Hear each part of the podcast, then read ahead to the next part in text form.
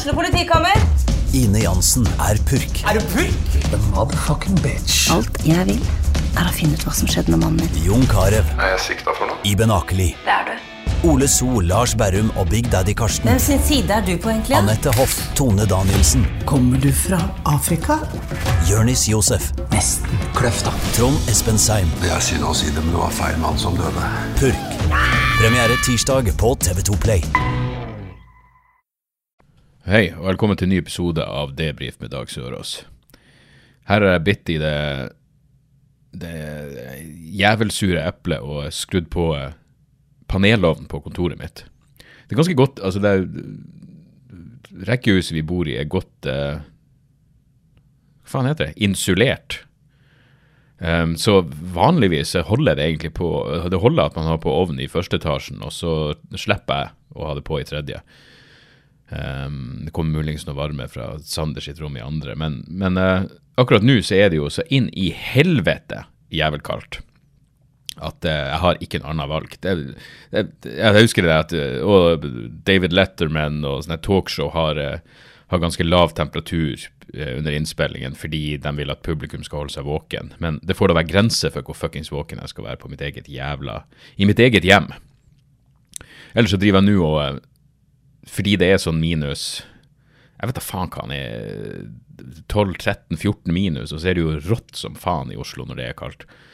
Og jeg som er en, eh, en mann med en viss jakkefetisj, jeg har mye vinterjakker, så jeg driver nå rett og slett og tester ut hvordan av dem er det som funker.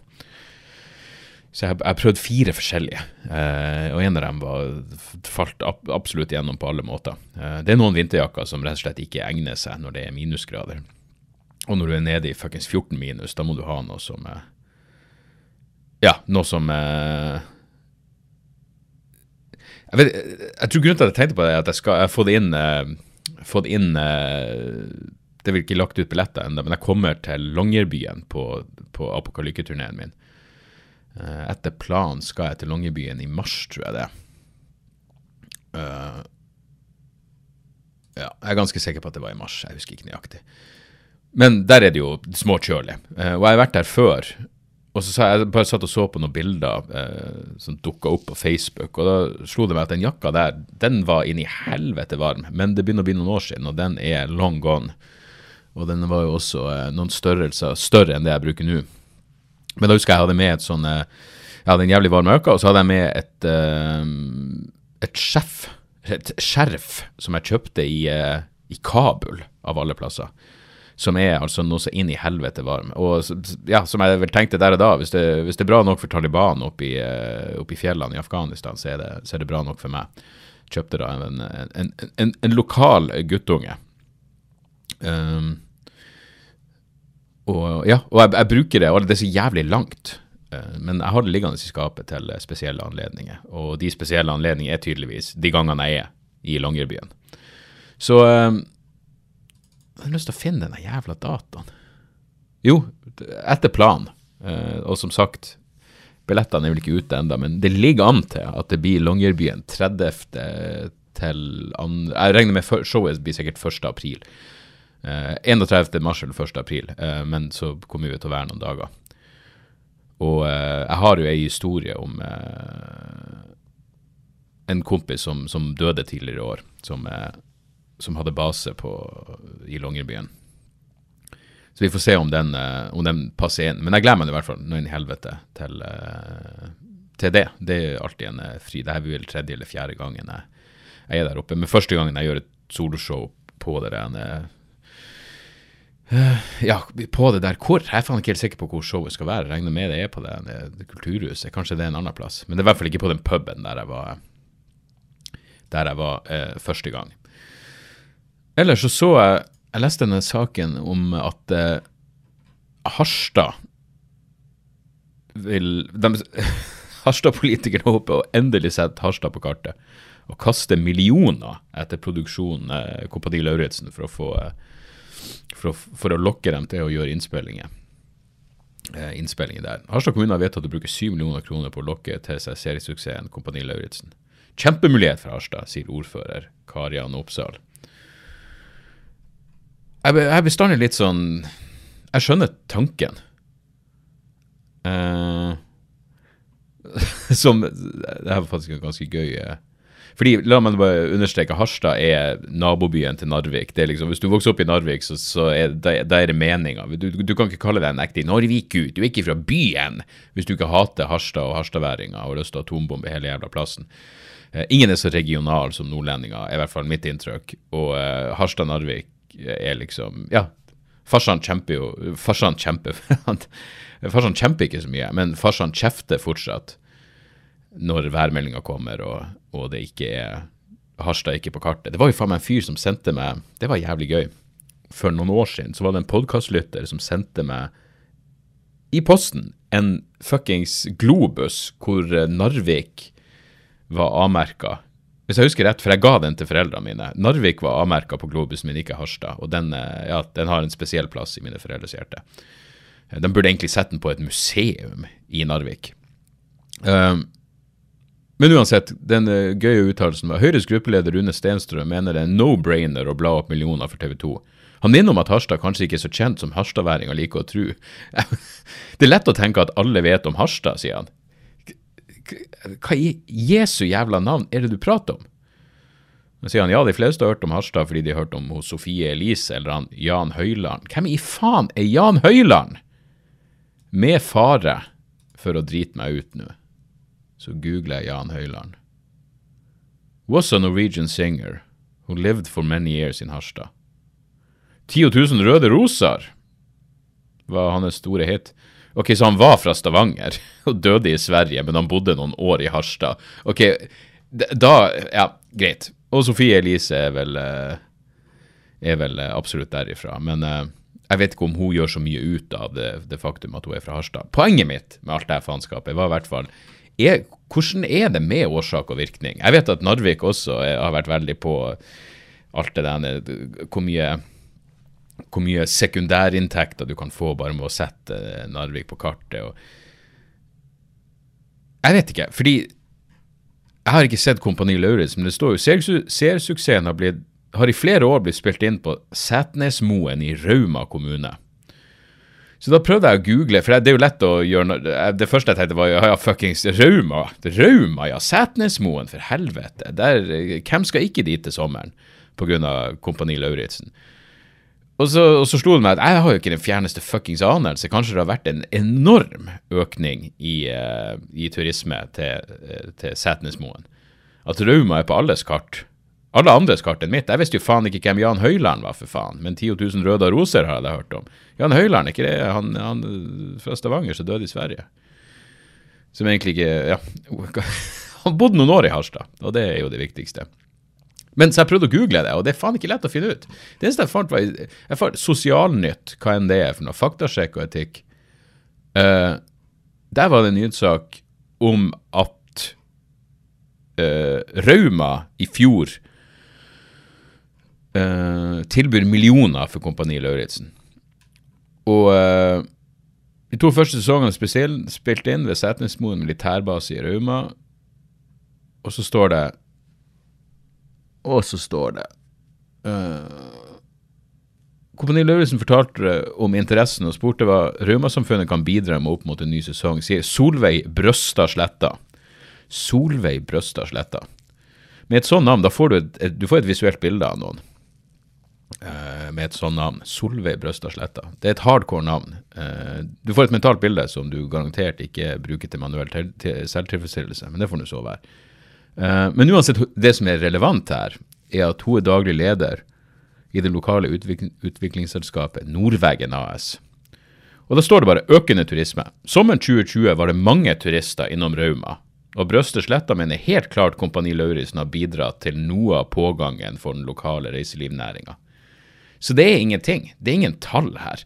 Jeg vet ikke, når, når de og kanskje man ikke kan kreve det, men jeg, jeg, du skulle tro hvis du skal bruke mange millioner Jeg vet da faen hvordan det står til med lokaløkonomien i Harstad, men hvis, det, hvis, den er i nærheten av det den er i Narvik, så betyr det jo at eh, skol, store skolebygg står og, og, kan ikke brukes fordi de bare raser sammen.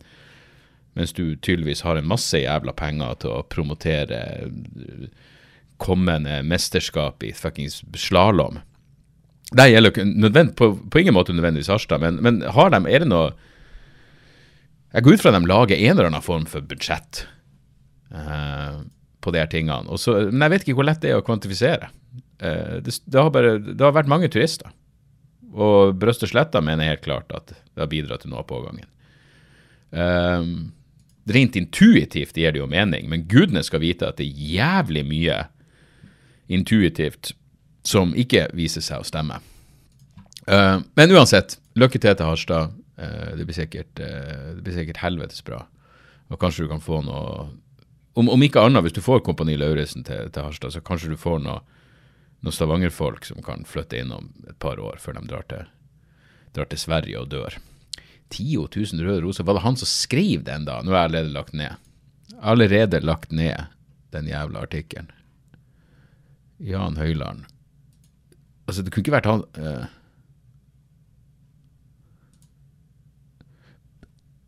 Ja, for Han har en ganske kort Wikipedia. Jan Høyland var en norsk sanger best kjent for sangen 10 000 røde roser av Tore Skogmann.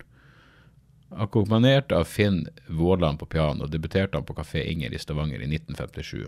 Fulgt av platedebuten 'Det vil komme av seg selv', det vil komme av seg selv i Dormi, Dormi, Dormi på Colombia. Ja, han lagde mye. Diskografien er jo absolutt eh, respektabel. Siste skiva kom i 2014, The Days of Wine and Roses. Mm. Men det står liksom ingenting om at han eh, bodde i Harstad. Hvor lenge bodde Jan Høyland Altså, jeg beklager at dere må være med på det her. Hvor lenge bodde han i Harstad? Det er nå kanskje jeg skulle hatt en sånn uh, kunstig intelligens som kunne hjelpe meg å, å, svare. Det står bare 'Who lived for many years' in Harstad. Det står på, den, på den eh, internasjonale, den engelske Wikipediaen. Det står ingenting om Harstad på den norske, som gjør, gjør at jeg lurer på om det, det er en sånn eh, citation needed her. Uh, ja. Uansett, hvem faen bryr seg egentlig, utenom meg? Ellers så har jeg hatt Jeg tror jeg trenger en ferie. Det merker jeg. Um, jeg, jeg har gjort jævlig mye jævlig mye klubbjobber i Oslo med for lite overskudd. Men når, når man gjør sånn en viss type klubbjobber hvor det bare er Man gjør det virkelig ikke for pengene, fordi hvis du sitter igjen med 29 kroner, så er du heldig. Men det er jo for å jobbe frem nytt materiale og alt det der. Men jeg har bare hatt for lite overskudd, og når du går på en sånn klubb og så har du egentlig ikke noe nytt du skal prøve ut, da, da er det så jævla bortkasta. Jeg har gjort det et par ganger, og det føles bare helt meningsløst. I tillegg hadde jeg faen meg Jeg lurer på om jeg klina til med for min del årets verste, verste show på Latter på eh, forrige fredag.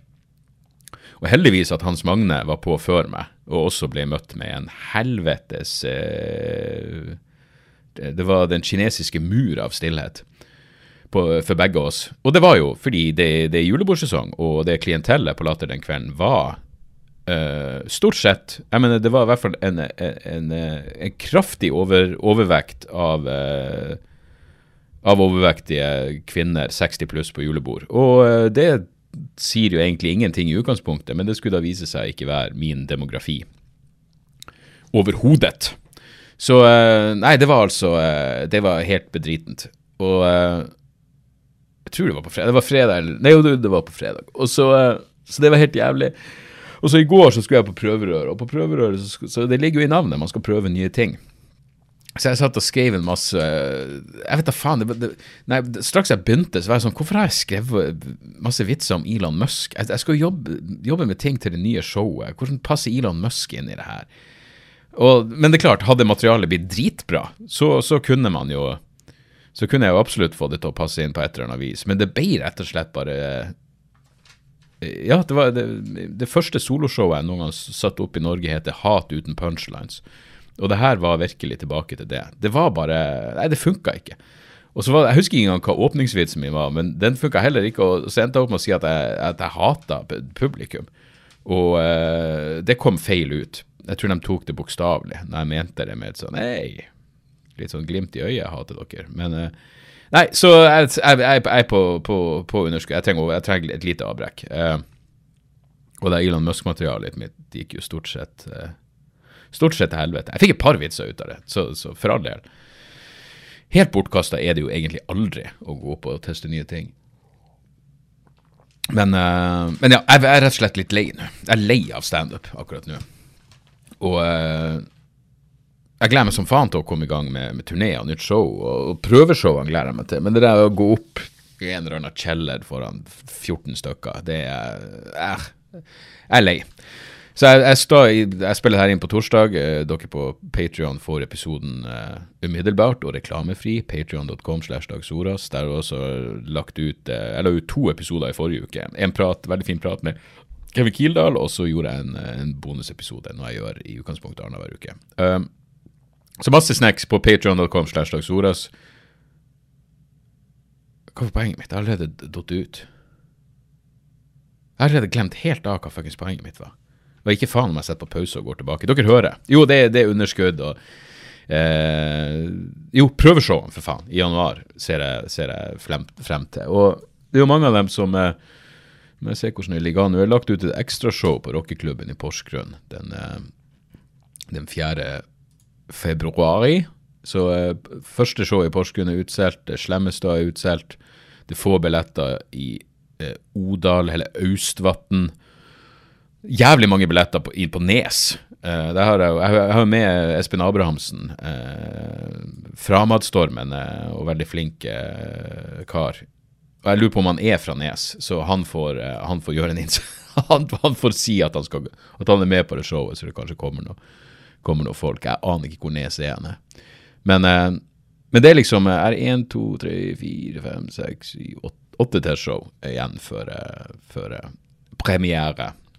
Um, dagsoras.com, hvis dere vil uh, finne ut av det. Men uansett, det er fuckings Elon Musk. Det begynte egentlig bare med at uh, jeg, gjorde, for jeg gjorde Espen, Espen Abrahamsen skal starte opp en ny podkast, så jeg gjorde en episode Jeg skulle liksom uh, Ja, det, jeg tror den kommer ut til neste år en gang. Men jeg gjorde i hvert fall en episode hvor jeg også klarte å fucke helt opp på jeg skulle stå på Magneten bar. Hvis noen hadde kjøpt billett for å komme og se meg på Magneten på uh, på tirsdag. Beklager, men jeg blingsa totalt. Uh, jeg trodde showet begynte klokka åtte, og så spilte jeg inn podkasten med Espen rett bare noen etasjer over på Njø der. Uh, fra mellom seks og åtte. Og Ja. Så jeg, jeg, jeg blingsa. Men uh, Jøni steppa inn, og Jørgen Epe gjorde også en spot. Så folk, folk fikk hva enn de hadde betalt for, men, men og jeg, jeg merka bare da at jeg var nesten litt sånn letta over at jeg slapp å gjøre det showet. Og da er det sånn, hvorfor gjør jeg det her, da? Hvor, hvorfor skulle jeg gjøre det her hvis jeg, hvis jeg bare fuckings ikke har lyst, egentlig? Så, eh, så ja, Josefine i kveld, og så, og så, har jeg et par uh, neste uke, og that's it. Så er det fuckings ferie. Og ja, i hvert fall ta ei uke uten å tenke noe på standup, og så, og så um, begynne å jobbe seg inn mot, uh, mot nytt show og turné og alt det der. Det der. Men det er jævla Musk-greiene, det var det poenget mitt her. Herregud. Det er mye utenomsnakk i dag. Jeg gjorde en podkast med Espen Abrahamsen, og da kom vi inn på det Elon Musk. Og da sa jeg har du sett det klippet av Elon Musk på scenen med Dave Chappelle? For det er jo faen meg noe av det flaueste jeg har sett en stund. Jeg mener, Elon Musk er uh, Jeg liker ikke trynet på han. Jeg syns han er en ekkel og uinteressant fyr. Jeg syns ikke noe, jeg har aldri latt meg sjarmere av gründere eller entreprenører eller folk som bare er jævlig gode forretningsfolk, og han her er åpenbart et, et rasshold. Jeg, jeg satt akkurat og så ferdig Superpumped, den serien om Uber, og han er en eh, ta Hva enn han heter, han, han grunnleggeren av Uber? For et fuckings rasshold. Han begynte kanskje som dere menneske, og så er det bare sånn det, Til broren sier det i serien, bare sånn eh, Sier det til eksdama sånn Du, hva enn du ble glad i, er borte. Han er ikke et menneske lenger. Det her er ikke mennesker. Um, så du må jo være en, en, en, viss type for å bli der. Og så er det jo selvfølgelig ja, alt det ene Mannskiten Elon Musk eh, står for. Nå er han jo bare en rein han er bare, han er bare en, en, talsperson for den politiske høyresida i USA. Og det er jo for så vidt greit nok, det, men da må folk slutte å prate om som om han og jævla det skal redde ytringsfrihet, og han skal få oss til fuckings Det er så jævla mye hype. Den Neuralink er jo fuckings, så vidt jeg kan se, bare babbel. Bare fuckings rein jævla hype. Det, det, det er som det er Theranos og det der vi skal, Du kan ta alle blodprøver med et like, lite stikk i fingeren. Nope, det var bare bullshit. Uh, og all ære for å ha gjort elbiler kult og noe man vil ha. Uh, all ære for å ha gitt penger til folk som er smart nok til å kunne lage en rakett som kan lande igjen. Fuckings kudos for alt det. Men Elon Musk som person, gud, for et, for et, for et kjedelig og trist rasshold. Um, men uansett, så av en eller annen fuckings grunn så tar Dave Chappelle han opp på scenen. Det var vel tidligere denne uka, eller forrige helg. Foran 18 000 mennesker. U, uvisst av hvilken grunn. Uh, Chappelle introduserer han som verdens rikeste mann, og det er jo selvfølgelig Ja, det er jo en accomplishment, men nå er han vel ikke verdens rikeste mann. Jeg mener, jeg leste i går at Elon Musk nå ikke lenger er verdens rikeste mann, men hvem faen bryr seg om det? Så han kommer opp på scenen, for Elon Musk har jo åpenbart et selvbilde. Han tror han er morsom. Uh, nå det her skulle, her fikk du virkelig bevisst en gang for alle, man, og man skulle ønske han lærte noe, men nei. Så han går opp på scenen foran 18 000 mennesker. Og jeg går ut fra både han og Chapelle regner med at dette kommer til å bli populært. Det er øredøvende buing. Helvete, det er så mye buing. Uh, og stå, nei, og uh, Musk står egentlig bare der med en mikrofon i hånda sånn, hva jeg skal si, og se på Dave Chappelle, hva, hva, skal jeg si for noe? Det er en ulidelig flau seanse som vil vare i ti minutter. Og Han klarer ikke å si noe, og ingen forstår hvorfor han er der, og han trodde vel han var elska. Og så går han ut på Twitter etterpå og skriver at uh, 10 eh, bua, liksom, og 90 likte han. Som Det stemmer jo bare ikke. Det stemmer jo ikke ut fra, fra Det er klart, det er ikke så greit eh, Du får et inntrykk av hvor mange som buer ut ifra eh, Jeg vet ikke hvor mange opptak det er, jeg har bare sett det ene. Men det også har jo vært eh, artikler skrevet av eh, ja, Nå vet ikke jeg om det artikler skrevet av folk som var der, men han blir nå fuckings bua. Uansett hvordan du snur og vender på det, så er det ikke 90 eh, jeg vil heller kjøpe at 90 bua enn at 10% bua. Så kan man jo selvfølgelig krangle om fuckings eh, nøyaktige tall her, men det er egentlig irrelevant. Men da skrev Elon Musk på Twitter at uh, det her var han ikke vant til. Uh, å bli bua liksom i, i real life. IRL-buing var han ikke vant til. Han var vant til at det skjer på Twitter, men ikke IRL. Og det viser jo bare hvor jævla lite uh, han innbiller seg. Tydeligvis at han er en elska offentlig intellektuell når han åpenbart er en veldig smart tomsing. Og det var det jeg prøvde å få frem i, når jeg prata med ham på scenen i går. Jeg skal fortsatt fuckings prøve å få det til å bli noe, men det her at det er en jævlig stor forskjell på å være intelligent og klok, det er virkelig vidt forskjellige ting. Og det å være teknisk smart innenfor økonomi eller hypeman eller eh, Jeg vet jo at han lagde et dataspill da han var tolv år, og så har han vel vært med og funnet opp noe sånn, en eller annen spesifikk teknologi i de Tesla-bilene. så men det er en stor forskjell fra det til å være en vis mann. Og han er åpenbart ikke en vis mann. Han er ganske korttenkt og, og faller for de enkleste konspirasjonsteorier. Så er han hårsår. Og så sletter han selvfølgelig de her videoene. Ikke bare, det, Senest i Aftenposten i går så sto det at Elon Musk vil ha total ytringsfrihet på Twitter total ytringsfrihet. Så det er vel derfor han eh, fjerna en konto som delte videoen av at han blir bua ut på scenen. Det er vel derfor han har fjerna kontoer tidligere som gjør narr av ham. Det, det er så Kan vi ikke være så snill å slutte å prate? Det er det, han, han er, han er en, en, som jeg sa, en typisk eh, nikkedukke for, uh, for høyresida. Det er akkurat de samme talking points. Det er akkurat det samme oh, Elon Musk han bryr seg om miljøet, og han vil berge menneskeheten, og han har ni unger fordi han er redd for underbefolkning av en eller annen merkelig fuckings grunn. Nei, han har sagt at eh, the woke mindset er den største trusselen mot sivilisasjonen vår mener, du, Hvis du ser deg rundt på verden og tenker at the woke mindset er den største trusselen Det var det han skrev i det Twitter-greia nå, at nei, han hadde, han hadde vel fornærma alle de liberale snowflakesene og social justice warriorene i, i, San Francisco. Det var derfor de, noen få bua på han. Som om de mest woke av de woke går for å se Dave Chappelle i 2022 etter uh, ni specials som uh, utelukkende gjorde narr av transfolk. Jeg, jeg tror ikke det. Han er så jævla ja. Jeg, jeg, jeg, vil ikke si så mye mer, for jeg vil, prøve, jeg vil fortsatt gjøre én innsats til for å få det der til å funke på scenen. Men det er liksom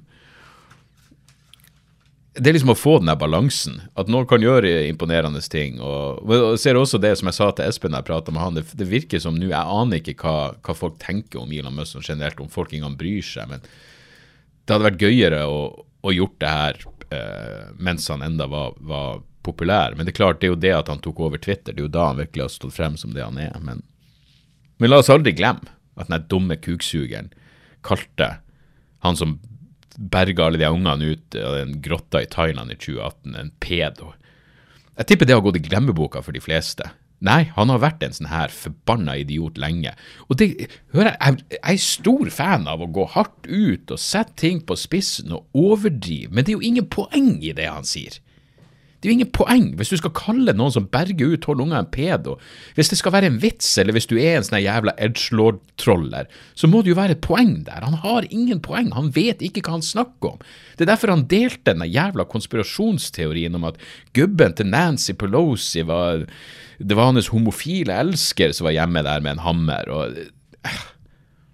Hvis du deler sånne ting, da er du dum. Hvis du ikke tar Hvis du får en sånn artikkel, og så klikker du inn og ikke skjønner at det her er, med fare for å bruke et utslitt uttrykk, fake news, da er du ikke en fucking smart person.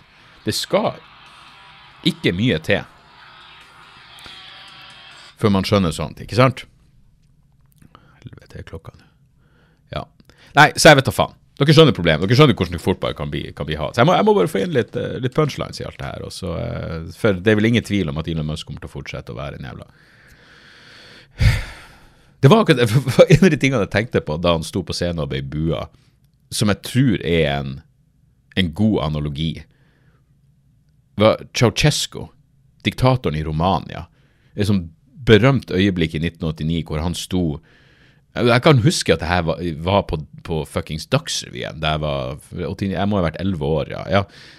Han sto la med kjerringa og vinka på balkongen, og så, og så snudde bare stemninga i folk så jævlig. Og så innså han mens han sto der, at de her folkene fuckings hater meg.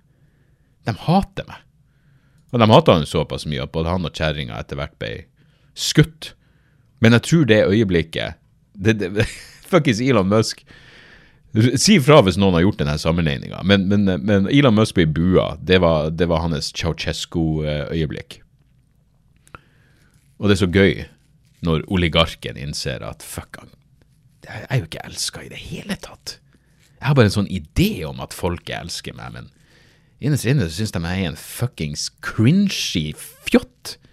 Jeg mener, Ser jeg bildet når han åpner den jævla Tesla-fabrikken i Austin med den dumme cowboya? Jeg mener, det er så flaut. Det var faktisk første gangen jeg, jeg innså at det, det, er et mørke Elon Musk. For jeg hadde jo liksom hørt alt det denne, lest artikler om hvordan han behandla arbeiderne, at han var totalt fuckings rasshold med dem, og kjempeinnbitt mot det ulovlige å fagorganisere seg hvis du jobber, hvis du jobber under han.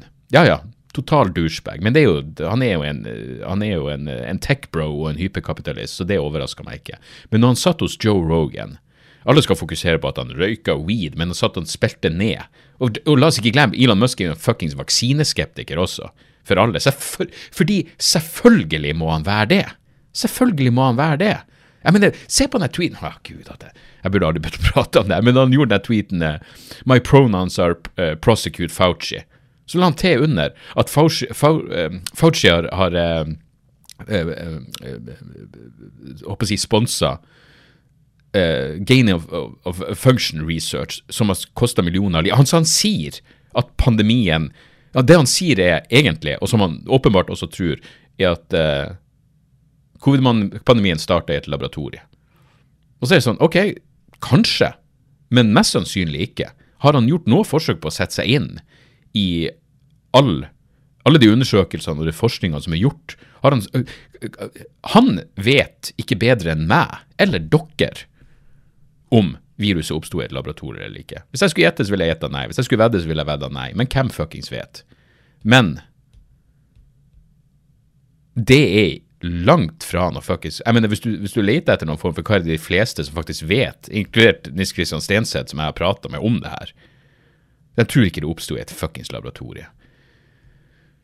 Så han tar bare alle de ene Ja, han er forutsigbar og døll, fordi han tar alle de eh, de, de, eh, de talking pointsene fra høyresida som, som han nå er en del av. Ja, ok, og da er han det, men det gjør han ikke spennende. Nei, fuck den der dildoen. Det, det er et problem, faktisk, hvis man, hvis man prøver å sette seg inn i ting. Det, det tenkte jeg her om dagen. Fordi Sånn som jeg driver på med den atomvåpengreiene mine som skal bli Det skal i hvert fall Jeg vet da faen Elon Musk, men det skal bli en, en del av showet mitt. Uh, men det er sånn, når du, når du setter deg inn i ting, så er det sånn Faen, alt er så mye mer nyansert enn det du hadde trodd. Så jeg hadde en greie om det der Om uh, Ja, at Norge uh, Altså, norske forskere skjøt opp en sånn rakett som skulle forske på nordlyset i 1995. Eh, og hadde gitt alle liksom, hva enn hva enn som er forventa av informasjon som du skal gi til russerne, og sikkert andre land om det her, var gitt. Men eh, et eller annet hadde skjedd som gjorde at Boris Jeltsin dro frem atomkofferten. For han var redd for at det, kom et angrep mot Russland. Og det var bare en rakett som var skutt opp fra, jeg som sagt forsker på nordlyset.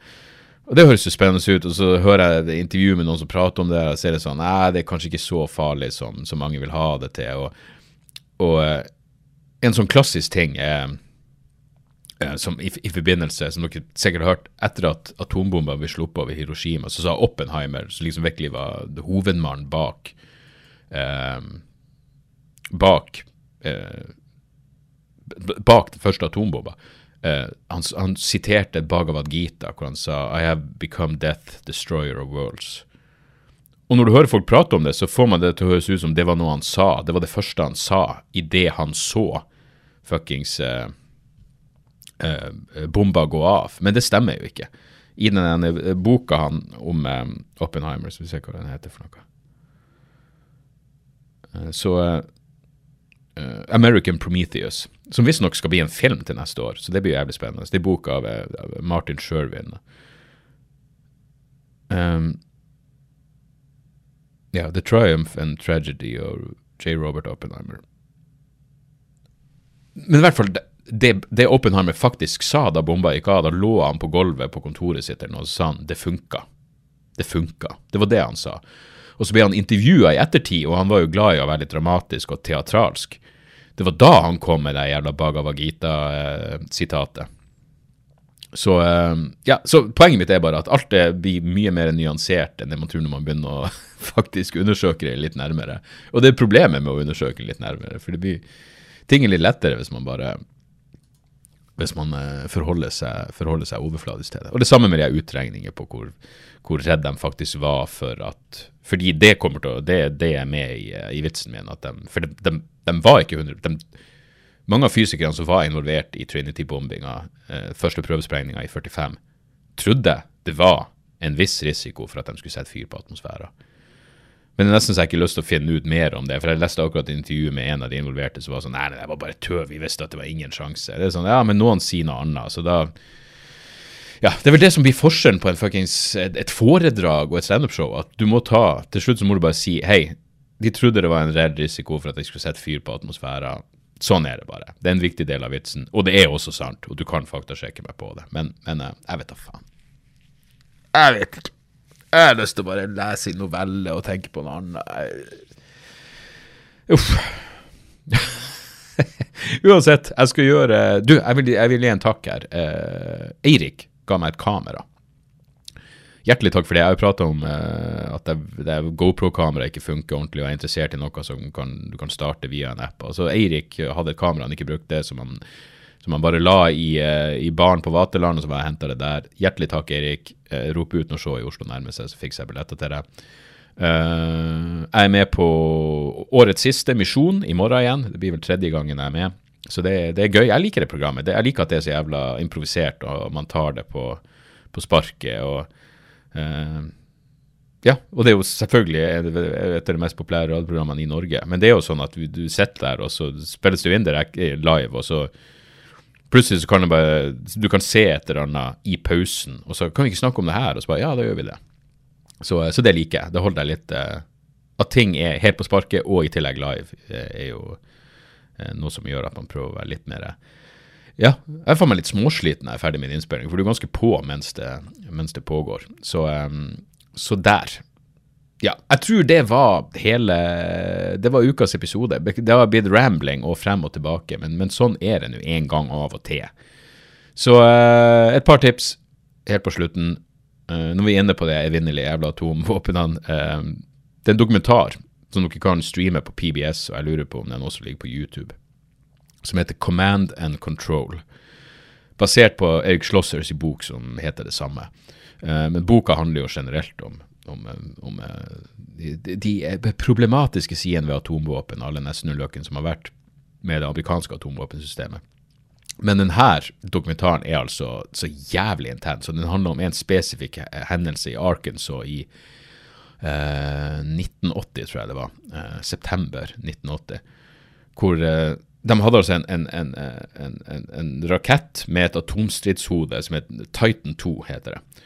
Og hvis jeg husker rett, så sa de at det atomstridshodet var kraftigere enn alle atomvåpen brukt under andre verdenskrig, kombinert, inkludert begge atombombene som smalt over Hiroshima og Nagasaki. Uh, og så er det bare en fyr som skal fikse et eller annet uh, på raketten. Uh, og så når han da skrur, han skrur av et sånt topplokk på en skru, selvfølgelig er det jævlig svær, og så detter den ned og spretter og slår et hold i raketten, så det begynner å leke ut drivstoff. Og det kunne gått så inn i helvete mye verre enn det gikk. Det er bare tilfeldigheter og fuckings flaks, eller som noen vil si, guddommelig inngripen. Men uh, det er helt sinnssykt, helt sinnssykt intens uh, historie, og uh, ja, den kan freake deg litt ut, for å si det mildt. Men Command and Control er absolutt verdt å se. Jeg så også en dokumentar som heter The Meaning of Hitler, som ligger på HBO, som er ganske interessant. Selv om jeg ikke helt skjønte Den handler egentlig om, om, om, om at Hitler er blitt så alt, altoppslukende nærmest symbol i, i, kultur og populærkultur. Jeg er ikke helt sikker på hva de prøvde å vise med dokumentaren, men det er i hvert fall noen helvetes uh, uh, Det er noen scener der, altså, hvor de intervjuet David Irving. Uh, for de av dere som så vrangforestilling, så hadde jeg en vits om han. militærhistoriker som også er en holocaust-fornekter. Så Petron har vist, Det er åpen, tydeligvis åpenbart åpent for alle å kunne ha en guided tour, men han har noen sånne omvisninger, noen sånne sannhetsomvisninger i, i flere av, av utrydningsleirene. utrydningsleiren. Eller som han kaller dem, eh, arbeidsleirer. Og selvfølgelig vil han jo fremstå på en vits måte, men her er det samme som i eh, dokumentaren The Jinx, hvor han, han fyren ja, hva enn han heter, fucker opp fordi han har en mikrofon på seg når han går på dass, og så går han og snakker med seg sjøl og, og, sier ting han ikke burde sagt. Sammen med David Irving. Han har mikrofon på. Og så er de, jeg lurer på om det er Auschwitz, de driver og går. Og så går han og prater med en fyr, og så begynner han å komme frem med si sine egentlige meninger. Som er at han er fuckings holocaust-fornekter. Det, det, var ikke noe, det var ikke noe utrydningsleie. Så han begynner å prate om det var mange jøder som døde her fordi de måtte gjøre fysisk arbeid. Og så flirer de begge to. Ja, de er jo ikke vant til sånt. De er jo ikke vant til sånt, så det er jo ikke rart de datt om, stakkars folk. Og så hører du hva han andre fyren sier på et tidspunkt. Har du mikrofon på deg? Og så kutter det bare. Uh, men uansett, som en slags Jeg vet ikke om det var noe det, det var noe sånn metaperspektiv på denne dokumentaren som jeg ikke syns de levde opp til, men Spørsmålet er jo hvorfor er Hitler en evigvarende, fascinerende figur?